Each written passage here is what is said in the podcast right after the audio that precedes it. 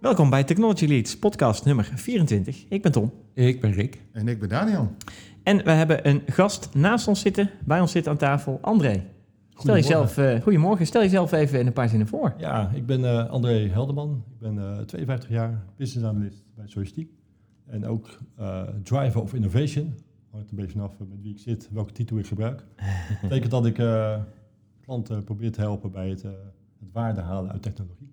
Oké, oké. Innovation. Nou, we gaan we beginnen bij technieuws uh, items en uh, daarna gaan we natuurlijk naadloos uh, door in innovatie items. Dus Rick, mag ik bij jou beginnen vandaag voor de tech updates? Wat heb je meegebracht?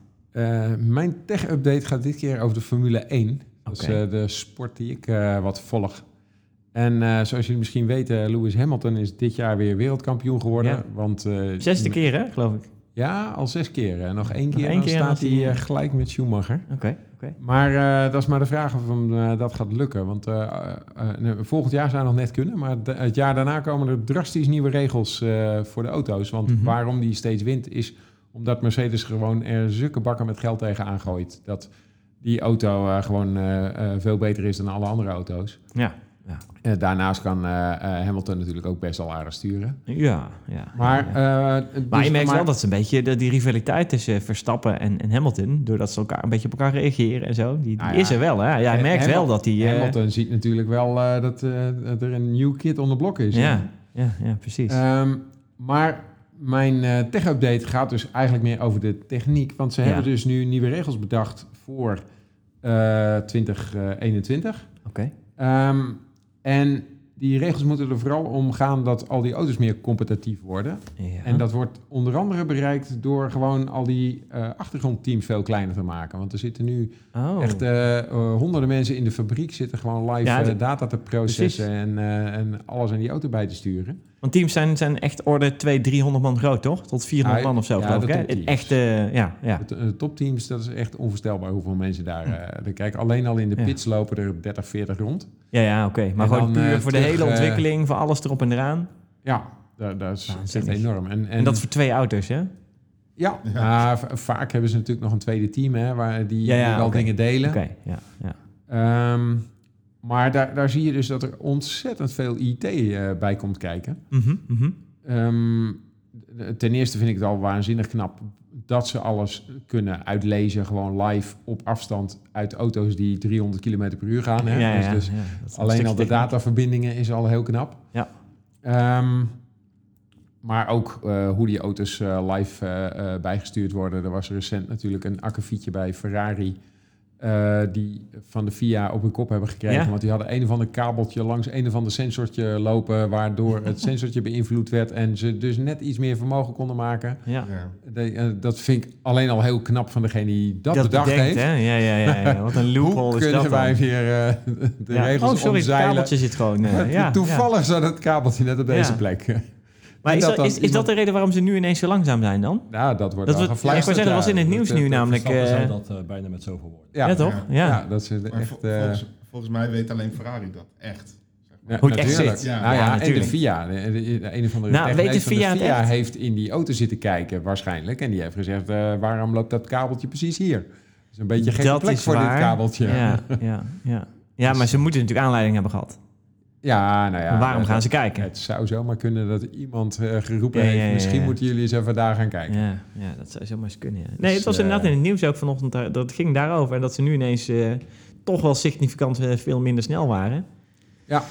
Ja, als je, dat- dat, dat- ja, als je dan vals speelt, want feitelijk is het vals spelen dan. Maar je ja. hebt het dan over significant Ja. veel minder snel. En dan, dan gaat hij iets van een halve seconde per Ja. rondje gaat Nou, langzamer. Maar, Dat is veel hoor, voor eh, Ja. Formule 1, toch? Nou ja, als je dan even kijkt naar Robert Kubica, die gewoon echt twee ronden achterstand wordt gezet en zo. En dan, ja, Ja, Maar maar dat is toch niet leuk? toch? wat zeg je? top is het veel. Daar maakt het Voor, top voor de is top is veel, het veel, ja. ja, zeker. Ja. Maar gelijkwaardige auto's, wordt het dan. Ik denk het wel, ja, tuurlijk. Wordt veel, veel spannender. eh, dan, eh, dan kunnen ook de eh, mensen in de wat mindere auto's, die kunnen gewoon bijblijven. Ja. Terwijl nu, als, als jij, eh, zoals nou, Carlos Sainz en Giovinazzi en zo, die, die rijden allemaal in Begint eh, achterveld net, zo. net iets mindere auto's. En Ja. die, die zijn dus dolblij als ze een keertje zevende worden, weet je. Want Ja, dan ja, eh, ja. zijn ze Een best paar op de puntjes sprokkelen. Ja. Ja, ze zijn maar- uit de competitie begonnen met gelijkwaardige auto's voor mij. Dezelfde auto. Ja, En dat dat, sloeg niet aan. nou ja, dat had weer andere nadelen. Ja. Maar, eh, dus ze willen niet dezelfde auto's. Dat doen ze in andere formuleklassen. Juist. Maar ze willen wel meer gelijkwaardige auto's, zodat een team dat maar 150 miljoen kan verspijkeren, ook eens een keertje kans heeft om een keer te winnen. Maar wat Ja. is nou het budgetcap? Want 175 miljoen of zo was het? Ja, zoiets. Ik zat echt heel... Ja, wat, wat, wat, wat? Ja, dat is, maar dat is exclusief de salarissen van de rijders. Hè? Want, ook eh, de- dus, eh, want, Ja. want dat is natuurlijk wel echt het verschil. Waarom eh haalt die Verstappen wel gewoon eh, podiums? Ja. Omdat hij gewoon net even beter kan rijden dan de rest. Natuurlijk. En dat hij die en, en gewoon ja, een even wat beter. Gewoon Nou ja, gewoon heel goed Toch wel een stapje beter, heeft. ja. En, en- want dat vind ik knap aan Verstappen. Die onthoudt gewoon van... hey, in die bocht ligt Ja. iets van rommel... dan moet ik even omheen ja, rijden ja, of ja, zo. ja, ja. En- Dan ga ik sneller omdat. Ja. ja. Maar eh, budgetcap, je zijn het salaris van de rijders, dat is interessant. Als je nu alle engineers allemaal minimumloon geeft en, eh, en ze daarna een tweede baantje geeft waar ze wel gewoon in verdienen, hoe eh, kan er, dat? zijn, er zijn vast weer loopholes. Ja, ja, ja. ja, ja. Ongetwijfeld. Ja, ja, ja. Nee, maar ik ben wel benieuwd naar die standaard onderdelen. Want ze hadden het dus over Oh, standaard ja. onderdelen of zo die ze gingen gebruiken. Dus Ja, Zelfde maar voorvleugel, onderdelen dat precies zijn, weet ik ook niet. Ik, zover heb ik me daar nou weer niet in Nee. eh, eh, gelezen. de Maar, motor eh, zal er wel uit. Ja, die, die zal er niet eh, Nee, standaard zijn. zeg de maar. motoren zijn ook uitgesloten van de budgetbeperking. Oh, dus dus je je- mag oh, nog ja. steeds zoveel aan je motor besteden als je wil. Ehm, Oh, ja, en ze de gaan budget andere, cap is toch ook andere wel weer niet echt een gebruiken. En daar Ja, waren daar ze ook allemaal niet je niet tevreden, tevreden over. over. Nee, nee, dat Maar hoorde ik ook. goed, eh, Ja. dat, eh, dat duurt ook nog twee jaar, dus daar wordt nog heel wat aan doorontwikkeld natuurlijk. Ja. En wat ook een hele leuke is, wat helemaal niks met techniek te maken heeft, maar dat ze eh, elk seizoen minimaal twee keer een coureur moeten laten trainen die eh, minder dan twee Formule 1 races heeft gereden, geloof ik. Dus eh, de- gewoon dat jonge jongens Ja, ook eens ja. de kans krijgen om in die snelle wagens te rijden. Maar trainen als in, Nou, in een tijdens de vrije training? training. Oh, oké. Ja. Ja, ja, ja. Oké, oké, oké. Oké, op die manier. Ja. Ah. Dus de Formule 2 rijders en dat soort dingen. Die willen Ja, bijvoorbeeld kans- eh, de. Nederlandse Nick de Vries, hè? Ja, ja, natuurlijk. Ja, je hebt een aantal, eh, aantal aanstormende talenten natuurlijk. Ja, Ja. ja. Ja. Oké, oké. Nice. Eh, Daniel dan? Wat is, eh, eh, heeft het ook met snelheid te maken? Of, eh, Eh, nee, niet echt. niet echt, hè? Nee. Nee. Nee, nee. Wel met iets verbieden. Want we hadden het natuurlijk over de Ferrari-kabeltjes die, eh, Precies, juist. die mogen. Eh, nee, eh, Twitter verbiedt wereldwijd advertenties over politiek. Oké. Ehm, ze gaan vanaf 22 november wereldwijd advertenties over politiek eh, verbieden. En ehm, de oprichter van het Amerikaanse bedrijf schrijft dat politici hun bereik moeten verdienen in plaats van het te kopen door middel van advertenties. Dat vind ik Ja. wel heel interessant. Want Ja. er is natuurlijk eh, sowieso, sowieso sociale media. Die hebben ontzettend veel invloed gehad op de Amerikaanse verkiezingen, op de Brexit, op al dat soort eh, Zeker. eh, verkiezingen. Ja, en dat ze nu wereldwijd politieke advertenties verbieden, dat vind ik ja, dat is wel een serieuze stap, zeg maar. Want het is ook, ja, het is niet dat Twitter er niks aan verdient of zo. Ze verdienen er echt, echt veel geld Ja, aan. ja, zeker. Die zeker. advertenties, daar, daar, daar, draaien ze op. Dus Huge, ja, ja. Ik, vind, ik vind het echt een serieus mooie stap van ze. Je kan je afvragen of het... Ja, ja, gaat het dingen uithalen? Want het is natuurlijk, kijk, de, de, de verkiezingen worden beïnvloed door, door social media, zoals je al zei.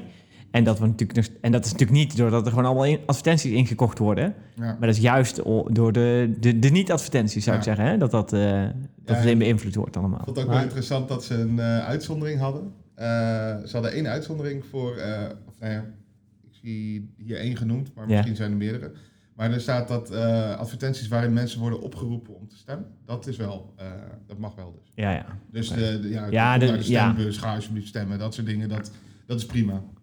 Maar mag je dat nou, dan ook eh, doen met, eh, eh, van, vanuit de politieke partij, zeg maar? Dat, is- dat staat er niet bij. Of is het vanuit de regering dat je de oproep doet? Want anders kun je nog steeds reclame Ik- maken. ik Van, denk hé, wij willen graag dat je komt stemmen.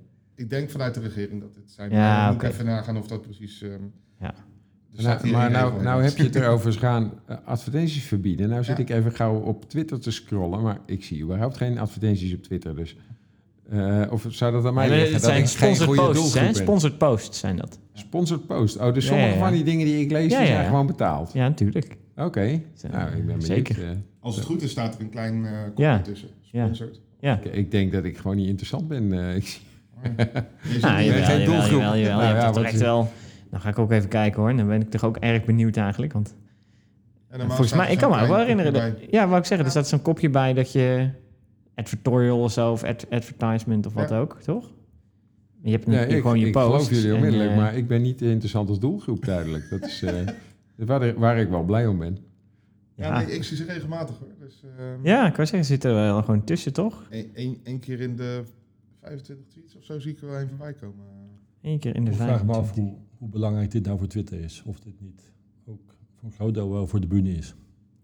Mijn technieuws sluit hier overigens naadloos op aan, dus dat is wel leuk. dat is echt mooi. Niet Ja, ik, ik, ik denk dat het, dat het ja, gedeeltelijk ook gewoon voor de bühne is. Ja. Het is ook gewoon, eh goh, we zijn goed in het nieuws. En Ja. dat is natuurlijk ook Ja. een ding. Hè, want, Wij zijn Het is, het is eigen Ja, reclame, zeg maar. Het is Ja. gewoon reclame voor zichzelf, toch? Ja. Ja. ja, maar Oh, je was- uitgelicht. Er staat een uitgelicht bij. Nu, nu heb ik hem, volgens Ja. mij. Staat Oh. onderaan de post staat een heel klein eh, dingetje met uitgelicht. Of, volgens mij is dat met name de sponsored posts. Maar de- bij mij is dat meer echt gewoon reclame, reclame, zeg maar. Ja. Van spullen en van dingen. Ja, en ik, ik vraag me af wat, eh, wat, wat Facebook hier nu mee gaat doen. Want eh, ja, Facebook heeft natuurlijk, eh, ja, die, die, die lagen veel meer onder vuur dan Twitter. Ja, en Twitter heeft er nu wel wat aan gedaan, maar Facebook, eh, die, die... Als ja, ik me goed herinner, heeft eh, Twitter het ook aangekondigd op de dag dat Facebook met eh, jaarcijfers kwam of zo. Hè? Dus dat moest, eh, Zuckerberg moest toch al op het podium. En eh dan konden de eh, journalisten gelijk even roepen van... oh, meneer Zuckerberg, heeft u dit gehoord? Eh, ja. wat vindt u ervan? Oh, dat is wel echt goed. Hier, kijk Rick, hier onderaan staat uitgelicht. Kijk, kijk, kijk. Kun je het zien? Helemaal onderaan hier zo, deze post. Dus van, Oh, ja. eh, van een of andere verzekeraar. Oh, Daar nou, staat dan, inderdaad. nou, dat, eh, dat soort eh, dingen heb Voor ik niet tussen zitten. het valt- je gewoon niet Misschien mee. valt het je gewoon niet op, dan krijg je gewoon al die reclame ik gewoon heb binnen. gewoon een filter. Eh. Nee, of je bent gewoon heel, eh, heel makkelijk eh, allerlei Ja, ja, adverte- of- advertenties toe te, toe te zetten zonder al- je door hebt. Al die advertenties van de Formule 1, dat zijn blijken gewoon Dat advertenties is te advertenties, zijn. ja, ja, ja, Ja. Dat denk ik wel. Dat denk ik wel. Wie weet. Het zou kunnen. Maar goed, het is, eh, het is wel interessant dat er wat gedaan wordt met beïnvloeding. eh, Ja, want, ja. Ja, maar ja, dan nogmaals, dat er wat gedaan wordt met beïnvloeding. Kijk, ik denk nog steeds niet dat die beïnvloeding komt doordat al die mensen betalen, maar dat het juist komt omdat er allerlei eh, eh, eh, weet het, Twitter-trollen zitten in, eh, in Rusland of in Ja, welk, want de- welk land dan ook. En die, die dat gaan beïnvloeden. Gewone posts mogen nog steeds. ja. ja. Daarom. Anders was het gelijk afgelopen met Trump op Twitter Dus, natuurlijk. en er wordt natuurlijk wel heel veel gedaan aan allerlei eh, herkenning van troll-accounts, van, van dit soort accounts, hè, van dit soort nep-accounts die hiervoor eh, zorgen, die dat soort beïnvloeding doen. Alleen, ja, dat, ja, nog steeds kun je dat blijven doen. Bedoel, Ja. Je kunt ook gewoon mensen inzetten om het te doen. Hè. Er werden heel veel bots ingezet. Nou, ik snap Ja. wel dat je die makkelijker zou kunnen filteren. Hoewel dat ook steeds moeilijker wordt natuurlijk, Ja. met, eh, met een beetje goede AI. Eh, maar ja, als je gewoon een hele bak mensen ergens neerzet die allemaal een account openen... Ja, wie ben jij dan om te zeggen dat, dat het niet een account van een persoon is?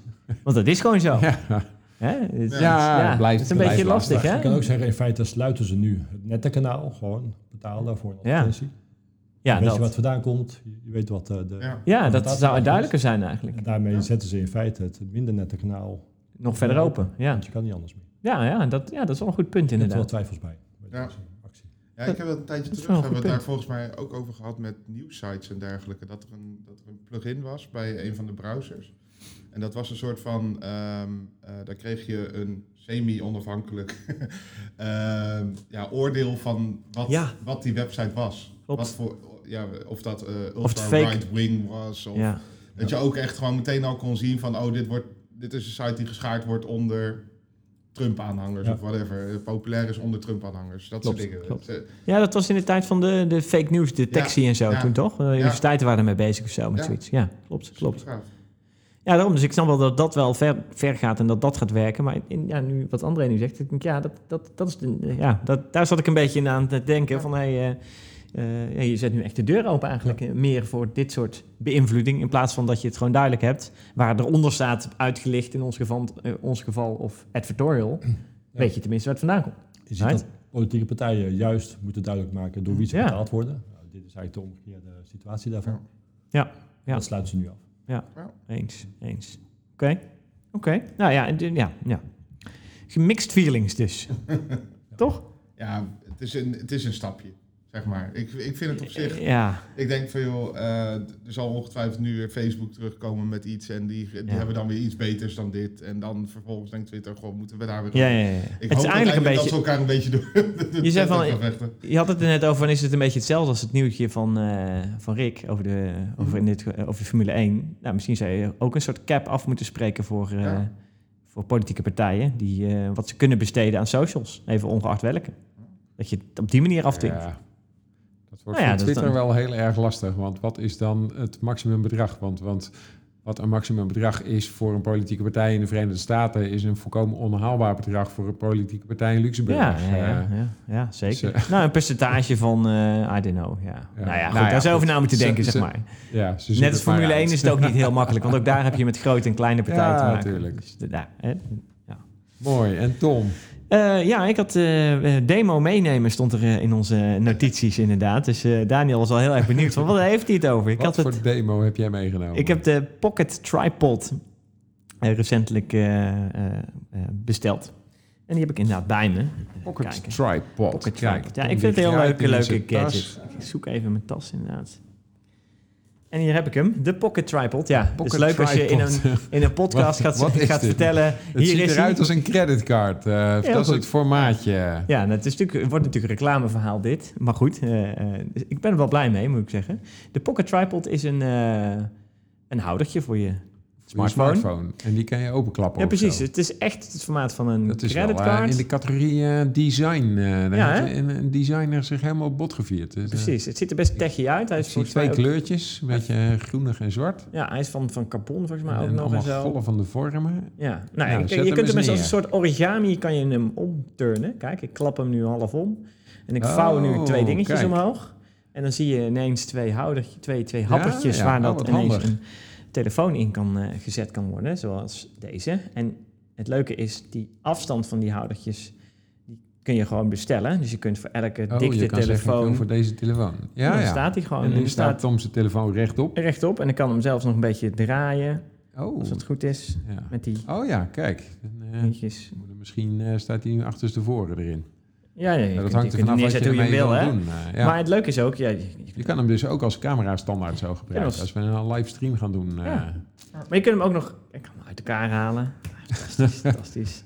Dan Ja, kun je hem ook nog dwars Het wordt toch neerzetten. tijd dat we een vlog gaan maken Ja, ja, in plaats ja, van een bijna wel, podcast. want bijna want wel, dit ja. ziet er leuk uit, maar daar hebben de luisteraars echt van. helemaal niks aan. eh. Nee, nee, we zullen... We zullen proberen uit te leggen wat hij doet. Tom die zijn, haalt nu dus die, die eh, dingen uit elkaar. Je hoort Daniel nu lachen, want Tom Ja. laat even zien hoe handig het gaat. En vervolgens stort het hele ding in. Precies. Oh, Oké, nou, nu kan Tom rustig, zonder, eh, Heerlijk. met losse handen kan hij nu video kijken op zijn Ja. telefoon. Ja, Tijdens de podcastopname. Echt Ja. zeker, echt dit. Nou, over- eh, ik dacht net, als je hem andersom zet, dan kan je dus gewoon eh livestream van de video van de podcast doen. eh. ja, zeker. Ja, zeker. kan Dat je hem kan. gewoon als camera standaard neerzetten. Geen probleem. Ja, nee, ja, dat, dat is het. Dus, maar hij is dus ook echt super stabiel. Dus je kunt ook heel leuk Ja, timelapses wel mee En, eh, en dat soort dingen. Want dat, er zit altijd zo'n timelapse functie op je eh, telefoon. Oh En wie gebruikt dat? Want je moet, hoe zet je je telefoon zo fixed neer dat die Ja. timelapse een beetje leuk wordt. Ja.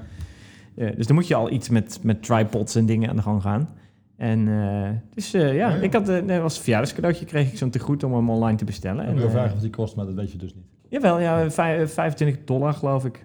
Eh, en het leuke is, eh, en die- als je gaat, verder gaat zoeken, dit is de, echt, de echte pocket tripod.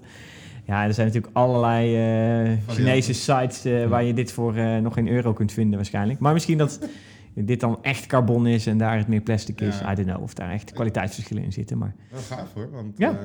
ja. normaal gesproken is met die tripods natuurlijk. We hebben het nu ook met die microfoons die voor ons staan. ja, Dat zijn ja, redelijk kleine dingen, maar niet zo handzaam als dat, zeg maar. nee hè? Nee, nou dat, dat vond ik dus ook inderdaad. Je hebt hem dus echt makkelijk bij je. Ja?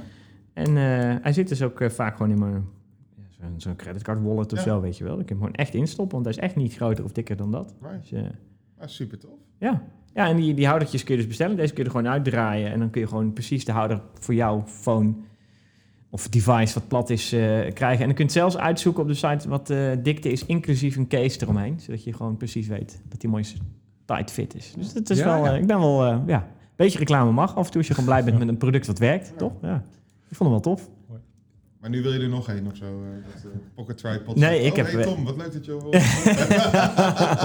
nee, één is genoeg, hè? Ik bedoel, hoeveel, ja, ik heb maar één telefoon, dus eh, hoeveel moet je er voor je hebben? tablet. Voor je, ja, dat is een goede vraag. Zou die te zwaar zijn of niet? ik weet niet. Heb ik niet uitgetest. Ik Ah. proberen. Next. Eh, keer. Oké, dat horen we in de volgende dat, eh, podcast. ja, ja, ga ik testen. Ga ik testen Cliffhangertje. Ja, Ja, cliffhangertje. Ja, ja, ja, Yes. zeker. zeker. Eh, korte dus. Ehm, André, jij hebt ook nog een eh, item meegenomen, toch? Vertel. Het technieuws eh, sluit eigenlijk heel erg aan op eh, die van Daniel. gaat over Airbnb.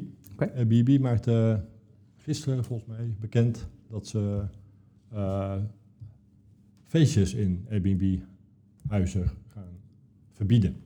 Oh ja, Dat ja. naar aanleiding van een gehoord, eh, ja. serieus incident in Californië, waar Ja. een eh, Halloween-feestje eh, georganiseerd werd in een gehuurd huis. Uitgemond in een schietpartij. Er zijn enkele doden gevallen, dus echt serieus. Echt serieus, ja. Airbnb ligt al wat langer onder vuur, omdat ze eh, verhuurders eh, onvoldoende zouden ondersteunen bij eh, dit soort incidenten. Mhm. Gisteren dus dit nieuws, ze gaan feestjes verbieden. Oké.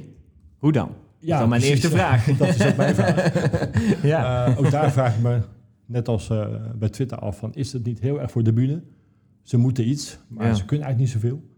En dit was eh, gisteren het nieuws en dat was eigenlijk een, een week, vorige week, van dit soort nieuwtjes waar platformen op zoek zijn naar wat moeten wij met onze maatschappelijke verantwoordelijkheid. Eerder vorige Ja. week was eh, eh, John de Mol die met een eh, groep van bekende Nederlanders Facebook aanklaagde. Oh ja, ja. Dat ja de dat ook afgelopen ja. maanden allerlei nepadvertenties Nep verschenen waren, ja, waarin... Ja. hun gebruikt werden en zo, hè? Ja. ja.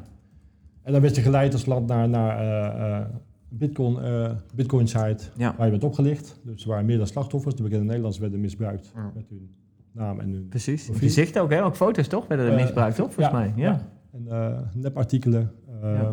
Allemaal heel slecht geschreven, dus Oké, je kunt het er wel Dus, eh, uithalen. Een maar- goede lezer haalde het er wel uit, maar toch zijn er veel mensen ingetrapt. Ja. Dus zij hebben nu Facebook aangesproken en ze eisen een algoritme waarin dat soort netadvertenties op hun naam terecht, uitgefilterd. Ja, en dat, terecht. ja, ik vind dat- het eigenlijk ja. bizar dat dat er nog niet is. Ja, Ja, ja. Dit zou redelijk makkelijk ook door AI gewoon Eruit gevonden kunnen worden. ja. zeg maar. Zeker als slecht geschreven is, kun je je afvragen: ja, eh, hallo, wil, wil ik dit überhaupt op mijn platform hebben? Ook al is het een echte adver- Ja, want het advertentie. is heel gênant als je het ziet. Ja. Ik zie ze ook Maar regelmatig. het interessante is- Ja. Dat Facebook antwoordt, daarom is het een rechtszaak geworden, dat kunnen wij niet in ons algoritme. Ja, Het lukt ons niet om dat uit te filteren. ja, lekker makkelijk. En eh, ja. daar zie je dus dat platformen als Twitter, Facebook, Airbnb Mhm. eh, enorm zoekende zijn naar wat is onze verantwoordelijkheid nu? Eh, wat, wat, wat kunnen we wel doen, wat kunnen we niet Ja. doen? En waar kunnen Ja, we worden En aangesproken? hoe ver kun je gaan? Want ik hoorde ook in het nieuws dat minister Grapperhaus van Justitie... die had, eh, ik weet niet meer aan welk platform... maar die had gevraagd om het Oh, zo te maken... dat je eh, de, ja, WhatsApp en Telegram eh, en dat de beveiliging eh, toch eh, doorbroken kon worden... zodat de politie en justitie ja, een backdoor bepaalde eigenlijk. berichten kunnen Ja. eh, vullen. En, Ja. en toen hebben dus eh, eh, Klopt. ja, zeg maar de organisaties voor ja, eh, mensenrechten of eh, dat Ja, soort ja. dingen gezegd, joh, als je dat gaat inbouwen, ja, dan kunnen andere mensen dat Kunnen ook gebruiken. want ja. wie garandeert ons dat alleen minister Grapperhaus dat zit te doen? Ja. Dan kan iedereen dat doen, dus dat willen we niet. Ja. Want er- het is of niemand of iedereen. Het echt een slecht voorstel. Maar... Ja, wat denk Nou ja, je dan? kijk, dat heeft die man vanuit het perspectief van justitie heeft hij het leuk bedacht. Alleen hij bedenkt niet de technische consequentie. Dat ja, maar dat valt me dan toch wel tegen zit- hoor. Dat ze daar niet even over nadenken ook. Dat als hun er- er- erbij kunnen, dat dan Ja. iedereen... De, ja, Ja. dat toch, toch wel voor Ja. behoorlijk voor de hand liggen, niet? Lijkt mij dan. Ja. Ja, je zou denken. Dus ik vind het heel interessant om te volgen waar deze discussie naartoe gaat en waar Ja. het op uitmondt. Ja. Er zijn Ja. nog heel veel vragen over en eigenlijk nog heel weinig antwoorden. Ja. Ja, ja. Waar liggen nou de verantwoordelijkheden? Maar zoiets als dat Facebook met die Bitcoin-advertenties, voor mij is dat gewoon een no-brainer. Ik Dat niet. moet gewoon eruit. Ja. Dat, dat kan gewoon Ja. niet dat dat, dat dat nog steeds Tuurlijk. zo is. Eh, Dat mensen zo opgelicht worden en zo makkelijk. En dat Facebook gewoon zegt, ja, Ja. is niet ons Ik probleem, het niet. zeg maar. Dat is echt gewoon zo... Ja, dat Is, dan eh, zijn ze echt alleen maar veredeld doorgeefluik, toch? Ja. Dan, eh, ja. Maar dat vind ik echt, echt oprecht slecht van Facebook ook. Dat Een stukje kwaliteit leveren van, van je product, Ja. zou ik En zeggen. wat ik ook heel interessant vind, zij weten blijkbaar of ze zeggen dat ze niet weten wie de bedrijven zijn die deze advertenties plaatsen. Ja, Dat vind ik ja. raar. Als, je, als, je, als je kijkt naar banken, dan heb je zoiets van know your customer. Je moet gewoon weten wie, wie jouw klant is. En dat Ja, dat lijkt toch ook wel, ja. ook moeten gelden. Maar dat is blijkbaar niet zo. Want, want Facebook staat voor de rechter en niet het bedrijf. Ja, maar dat is toch Ja, raar? Dat die advertenties. Dus ze zeggen letterlijk, wij weten niet wie die plat- advertenties plaatst. Maar ze hebben toch gewoon, iemand geeft toch opdracht om een advertentie te plaatsen bij ze? Ja, wou ik zeggen, dat betaalt toch als, iemand? als er betaald moet worden, dan kan je het volgen. Hè? Want dat is Ja. altijd het mooie, follow the money. Ja, follow. Ja, het- precies. zo moeilijk kan het toch niet zijn? Dat Het is het gewoon een, een, Maar natuurlijk Facebook een... staat voor de rechter. Ja. Het bedrijf dat advertenties... eh, Ja, maar ik oké, maar dat vind ik dan ook wel weer dat terecht. Ja. Dat vind ik wel wel terecht, zeg maar. Facebook is wel degene, het platform, zeg maar, die dat doet. En, eh, althans, die er niks aan doet, hè, wat jij zei, van de, de sociale verantwoordelijkheid, et cetera. Zij zijn een platform dat er niks aan doet. Die gewoon Nee, zeggen, jongens, kom maar met dat geld en eh, Nee, ik zij- gooi er alles wel op. Zij bouwen iets wat, wat zo dusdanig makkelijk is dat iedereen zulke advertenties gewoon kan plaatsen. Dus ja, zij, zonder check. zij, zij, zij doen er niet niks aan. Zij doen er wel wat aan. Zij faciliteren. Ze enabelen het, ja. Ja, ja, ja, ja, ja, ja, ja, ja. Ja, maar misschien hebben ze dat nog niet eens bewust gedaan. Nee, maar... Want het kan zomaar zijn dat ze denken, oh weet je wat, eh, er komen zoveel mensen met advertenties eh, die advertenties willen plaatsen. Laten we een automatisch procesje maken, ja. eh et cetera, et cetera. Dan kun je je spullen uploaden, bob, bob, bob, bob. Geld komt binnen. Lekker makkelijk. Ja. Tuurlijk, hè, dat is slim bedacht. Maar, maar dan denken ze inderdaad niet even verder over na van, oké, dat kan dus ook misgebruikt worden. gemisgebruikt? Misgebruikt worden? Er kan misbruik van gemaakt. Er kan, dank je, Eh, eh, van gemaakt worden. En laten we dan ook een mechanisme inbouwen dat een check doet. Ja. Hoe, hè? Wat, wat jij Ja. zegt, eh, Daniel. Ja, ik vind het wel heel interessant, want ik had een tijdje terug, eh, dat is echt al acht jaar geleden, denk ik of zo. Dat is een behoorlijk Eh, tijdje terug. ja, toen, eh, toen was er een partij die ehm, hadden zogenaamde studentboxes of zo. En dat, dan, dan kon je eh, die bestellen bij hun op de site. Hoefde je Oh, alleen ja. maar eh, de bezorgkosten te betalen. En dat was dan volgens mij 15 euro of iets. Oké. En ehm, alle studenten konden dan een doos met allemaal gratis producten van bepaalde bedrijven Mhm. krijgen. Ja. En dat was één grote zwendel. En uiteindelijk, eh, toen moesten die dozen uitgeleverd worden. En ja, die kwamen niet. nou, dan bleek dus dat dat gewoon een keiharde oplichter was. Ja, maar, die gewoon lekker bij geld binnengehakt had. Ja. maar toen, eh jij had het net even over banken. Ik ehm, ben toen, er, er is me iets duidelijk geworden eh, over Ideal. En dat wist ik eerst helemaal niet. En Ideal, dat is dus opgericht door allemaal verschillende Nederlandse banken. ja. Eh, dus de ABN zit erin, ING volgens mij, Rabobank. Die hebben gezamenlijk dat, eh, dat, dat, eh, dat opgericht. En ehm, als jij een winkel bent en je wil dus verkopen via Ideal, dan moet je dus eerst een certificaat of iets halen Ja, ja, ja. bij die banken en dan vervolgens kan je Precies. gaan verkopen. Maar bij die studentdozen kwam op een gegeven moment in het nieuwsbericht naar voren. Ja, als je met Ideal betaald hebt, ben je geld kwijt. En als je met een creditcard hebt betaald, ben je gewoon Verzekerd, ja. Dat is waar. en dat is voor mij echt het moment geweest dat ik dat las. Dat, echt? Serieus? Toen ben Ja. ik een beetje verder gaan kijken en toen kwam ik er dus achter dat het echt... Ideal, die, die, ja, die, die doen er eigenlijk helemaal niks aan. nee, Dat is een nee, het is gewoon een, zeg maar. doorgeefluik, ja. Ja. Zeker. En eh, uiteindelijk toen, eh, ja, ik heb al- sindsdien betaal ik bijna alles met creditcard, omdat het verzekerd Zeker is. is. Ja. En heb ik ook al een paar keer meegemaakt dat ik een keer iets betaald heb en dat het niet op kwam, eh, Ja. dat het niet naar voren kwam. En dat ik via een creditcardmaatschappij gewoon heel makkelijker terug kon krijgen. Is dat heel makkelijk? Ja, Ja, dat vond ik echt Ja, makkelijk. ah, Ja, oké. oké. Ja, maar dat is Ja. bij creditcards, eh, dat Ja. is voor de eh, creditcardmaatschappijen ook van groot belang dat het goed gaat. Ja, dat Want, Ja, daar- dat daar- is, Dat is Dat is hun, asset, ja. precies. Ja, Dat is hun toegevoegde waarde. Ja. Ja, oké, oké, oké. Ja, dat zit wel wat in, ja. ja. maar dat vond ik Nou, ook leuk. weer zo'n geval als met het, met het Facebook-verhaal. Ja. Van die, ik zou ook willen dat zo'n Ideal bijvoorbeeld zegt van... Joh, wij- Verzekerd wij- of wat wij- ook, ja. ja, of we wij checken doen- het, wij ja. er meer naar. Ja, want zij zouden het ook prima kunnen checken natuurlijk. Dat Ja. er- maar, ja, ik weet niet of ze dat ook echt doen. Dat er verdachte geldstromen... Ja, je vult een formuliertje in en that's it, volgens mij. Dat zal het wel zijn. Ja, ja, misschien is het, ja. Misschien is het ook zo, ja. Ja. Oké. Oké. Innovatie hadden we het straks ook over. Wat is, wat, eh, wat is de link? we- Kunnen we een link maken naar innovatie? Want dit is natuurlijk wel innovatieve nieuwe oplossingen bedenken voor dit soort Ja, ja, problemen, zou ik niet zeggen. Maar eh, Ja. een, eh, een feestje, hè, we hadden het net over hoe dan, hè, dat feestje eh, tegen te gaan. Of te, te verbieden zelfs, hè, geloof ik. ja. ja ik denk dat die Hoe- link heel hoe dan? duidelijk is. Als, als je kijkt naar het thema waar ik het eigenlijk over wil hebben vandaag, Ja, ja. is, is eh, onbedoelde gevolgen van technologie. Ja, ja juist, ja. Eh, en daar hebben we het eigenlijk al een Dat tijdje is het, over. ja. eh, stiekem. Ehm, ik denk dat dat namelijk een van de grote vraagstukken voor de komende tijd wordt. Ik denk dat technologie, nieuwe technologie, innovatie heel vaak hele grote waarde heeft. Hè. Ja. Dat, dat snappen we met z'n allen wel. Precies. Maar ook heel vaak hele negatieve Bijeffecten. gevolgen die we blijkbaar niet van tevoren aanzien komen, maar waar we wel in belanden. Ja, zo'n soort, soort bijeffecten van Ja. iets van, waar je, van je denkt... oké, dit is een ontzettend gave technologie om in te zetten. Een leuke AI-oplossing te bedenken. Maar het, na, het neveneffect is eh, eh, ineens dat Ja. er feestjes gehouden worden... en allemaal huizen. Ja. getrashed worden. Ik noem maar wat. Ja. En als wij gaan ontwerpen en gaan verzinnen, dan denken we altijd aan de waarde van technologie. En dat is leuk, dat is hartstikke mooi. Maar Zeker. we denken eh, volgens mij nog onvoldoende aan dit soort dingen. En, en zelfs op heel grote schaal geldt dat. Als je kijkt naar, naar het internet, Mhm. toen dat begon, hè, ik heb dat nog meegemaakt, nou, zeg 96. Toen was het idee van internet, dat gaat onze informatievoorziening democratiseren, decentraliseren. Ja. Dus dat gaat ook macht decentraliseren. Hè. Iemand in de binnenlanden van Oeganda heeft dezelfde informatie als iemand op Manhattan, dus die kunnen hetzelfde Ja, gaan mits je verbinding hebt. Ja, ja, ja. Mits je Klopt, verbinding hebt. Ja. Ja. We- We zijn nu 20 jaar verder en wat zien we? De macht eh, zit bij vier, vijf hele grote bedrijven in Silicon Mhm. Valley en is helemaal niet gedemocratiseerd. Ehm als je kijkt naar... Ja. Het- Maar daar zie je wel. een tweedeling. Want, want er zijn wel degelijk mensen in wat afgelegene gebieden... die heel veel dingen kunnen die ze vroeger helemaal niet konden. Ja. En die vroeger alleen maar in de stad konden. Absoluut. Neem maar iets simpels als eh, eh, dingen kopen. Ja. Als je een, een of ander, eh, nou noem maar wat, Daniel had een plugje nodig voor onze mooie podcast set. En vroeger dan, als je in de stad woonde, dan was er wel een winkeltje waar je zo'n plugje kon kopen. En als je in de binnenlanden woonde, dan moest je eerst twee uur rijden. Het gewoon op internet. Dus Is ook absoluut zo. maar, Ja. maar waar, waar jij op doelt is dat er gewoon sommige bedrijven zijn die eh, zo groot en zo machtig en zo rijk zijn dat zij allerlei dingen kunnen die vroeger niet konden. Maar dat had je vroeger met ander soort bedrijven toch of niet?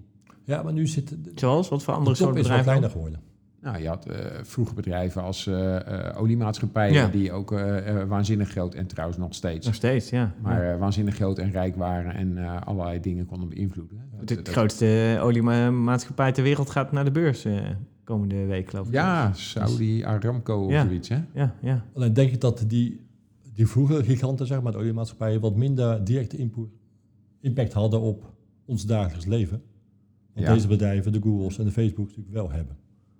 Ehm, Ja, omdat ze door allerlei andere Ja. technologie zeg maar, tot ons komen. Hè? Nee, neem de mobieltjes, eh, neem eh, laptops, Ja. neem, eh, neem alle Wearables. devices, smart, ja, alle, alle wearables, alle, alle devices om ons heen, zeg maar. en want je hebt met, met de opkomst van social media, dat was ongeveer tien jaar later, zo 2005 ongeveer, had je eenzelfde mooi idealistisch beeld van dit gaat verbinden. Hè. We gaan nu, alle mensen over de hele wereld kunnen met elkaar verbonden worden en we gaan elkaar veel beter snappen. Dat klopt ook wel, dat klopt ook wel. Dat lukt ook wel, denk dat ik, zo? niet? Ja, vind ik wel. Ik denk dat het juist leidt tot enorme polarisatie. Het, het is ook zo dat mensen die, die bepaalde extreme standpunten hebben, Ja. elkaar nu veel makkelijker vinden. Ja. En Ja. dat vroeger ook niet konden. En mensen zitten in hun eigen bubbel en wordt Ja. alleen maar eh Ja, dat bevestigd is wel een eigen ding. meningen. Dat is, die bubbel, dat is natuurlijk wel een, eh, een, eh, een ding. ik zeg denk maar. dat... eh, Als je het dan hebt over algoritmes en innovaties, zeg maar, wat dat betreft, dat je, de- Ja. dat je denkt, ik heb een gave oplossing om jouw eh, social media feed eh, helemaal eh, toe te snijden op wat, jij, wat ik denk dat jij leuk vindt. Hè, dat is een leuke, leuk idee, een leuke tech-oplossing. Maar de, de neveneffect is inderdaad die bubbel die optreedt, waardoor je echt, echt bias ja, krijgt. klopt. En dat is natuurlijk wel een, een ding. Ja. Die bubbels die verbinden natuurlijk niet. Die doen het Nee. Nee. Die scheiden af. Nou, binnen je bubbel verbind je en, en Ja. versterk, je- versterk je je eigen beeld. Hè? Of je beeld wordt versterkt eh, in die zin. Maar ehm, ja, Dus, dus ik zie niet dat, dat daarmee internet en social media slecht zijn. Ik zie absoluut de, de grote voordelen ervan. Ja.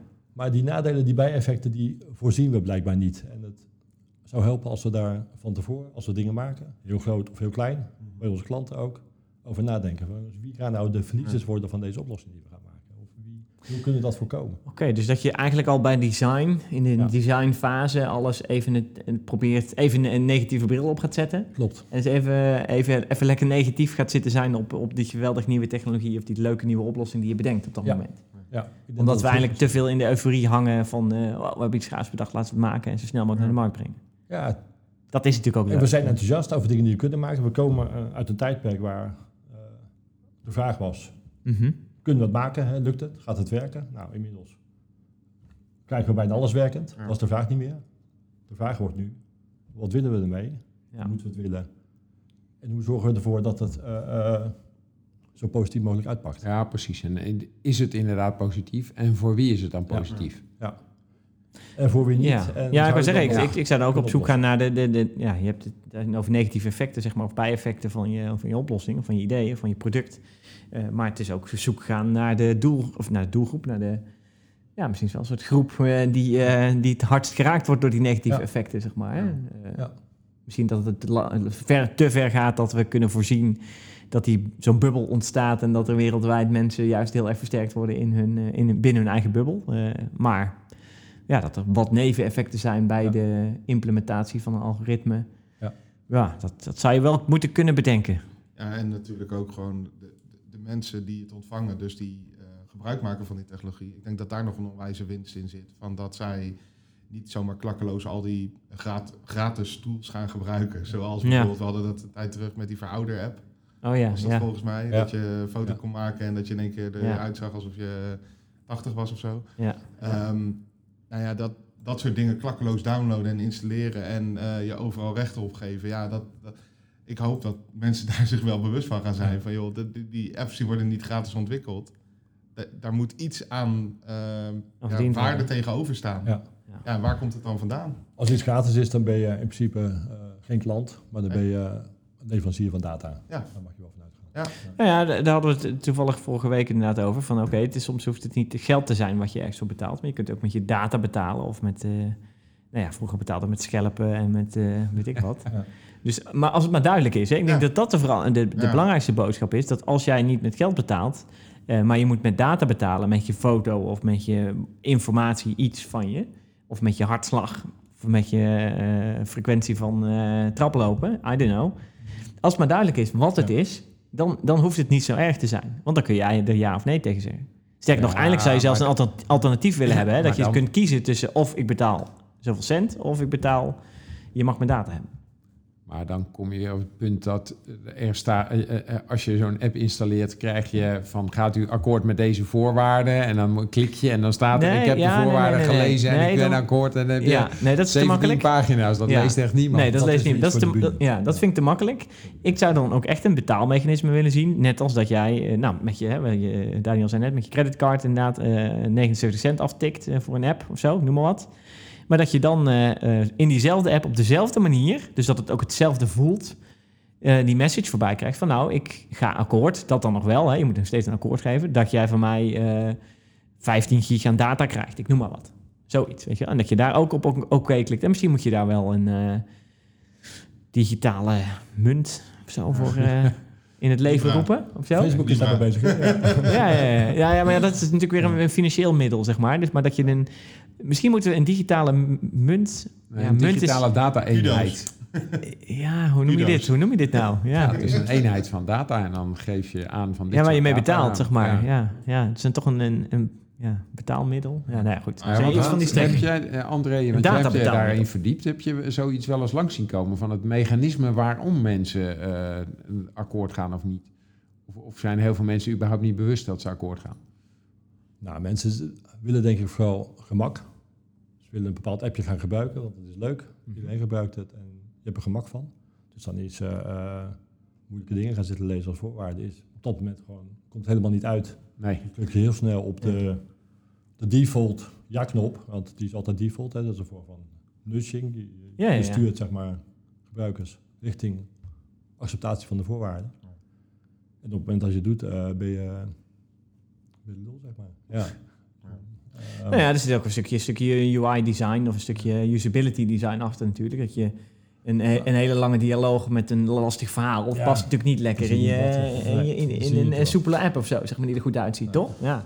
Maar ik denk helpt dat het voor ons als, als mensen in de technologie ook een boodschap zou moeten zijn van jongens, als, als we terugkijken zien we dus ontwikkelingen die in het begin heel mooi leken, maar die ook wel neveneffecten hebben. Zeker. We staan nu voor een tijdperk met AI, met IoT, met blockchain, waar heel veel dingen nog gaan veranderen.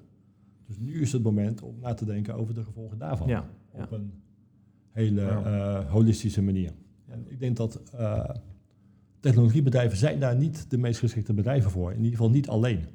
Daar ook Ja, we zijn te uit, enthousiast over de technologie. Ja, wij willen natuurlijk heel graag dingen maken. Ja, ja, ja. En ja, ja. eh, mensen uit disciplines als sociologie, filosofie, eh, ethici. Oh ja, die kun je daar die, veel zou- bij... die zou je daarbij moeten betrekken eigenlijk. Want feitelijk ga je allerlei gedachte-experimenten doen. Ja. Dat is het natuurlijk. Je zit veel meer in die filosofische hoek. te denken. Filosofie zou hier heel belangrijk bij moeten worden. Ja, En, eh, die, die, dat die zijn twee heel, heel verschillende werelden, maar dat vind ik juist zo boeiend. Ik Mhm. hou enorm van eh, multidisciplinaire teams. Eh, en daar gaat de wereld ook wel steeds meer naartoe, maar dat is dan nog... Ja, want binnen de als, als, technologie. als, als wij het Ja. hebben over een multidisciplinair of cross-functional teams, dan denken we nog steeds Ja. aan verschillende IT-disciplines. Maar Juist, jij ja. denkt aan hele andere disciplines. Ik zou dat veel willen hebben wel echt eh, marketing en, eh en eh, gedragswetenschap ja, en zo ja, ja. allemaal bij elkaar hebben. En, en dat zijn Oh, gewoon ja. voor, voor, voor, eh, dingen die wij bij klanten doen, is dat al relevant. Als, als een verzekeringsmaatschappij eh, eh, maatwerk wil gaan leveren op zijn eh, verzekeringspolis, hè, de een autoverzekeraar die rijgedrag wil gaan meenemen in de hoogte van de polis, dat is helemaal Ja. niet.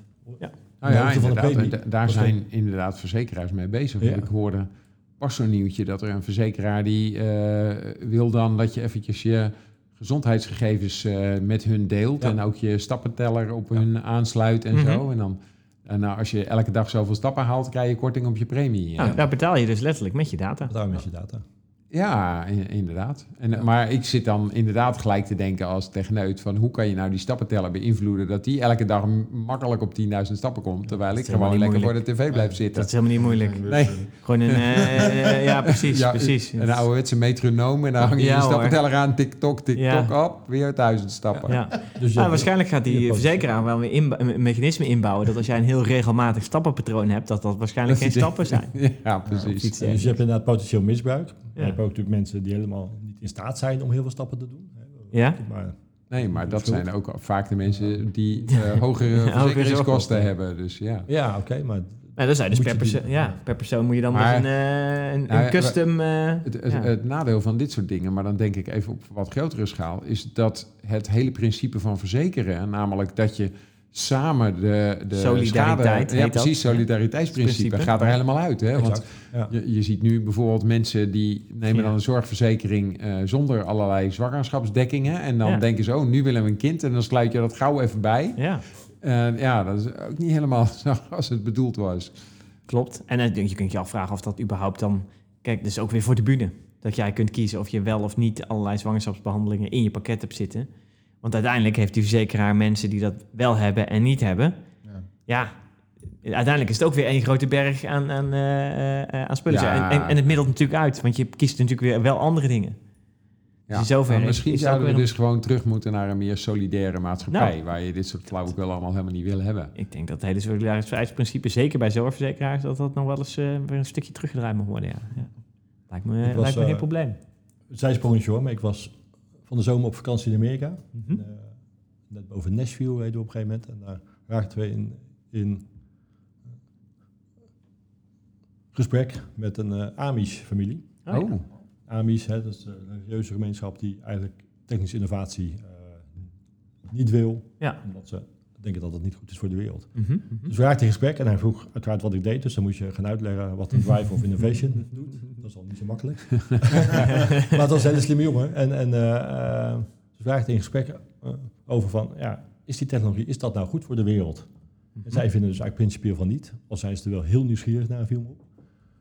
Ehm, dus ik pleit hier niet voor om alle technologie te stoppen, hoor. Daar ben ik helemaal niet voor. Maar als we, als we allemaal als Amish zouden leven, zouden we eh, onze milieuproblematiek bijvoorbeeld niet gehad hebben, denk ik.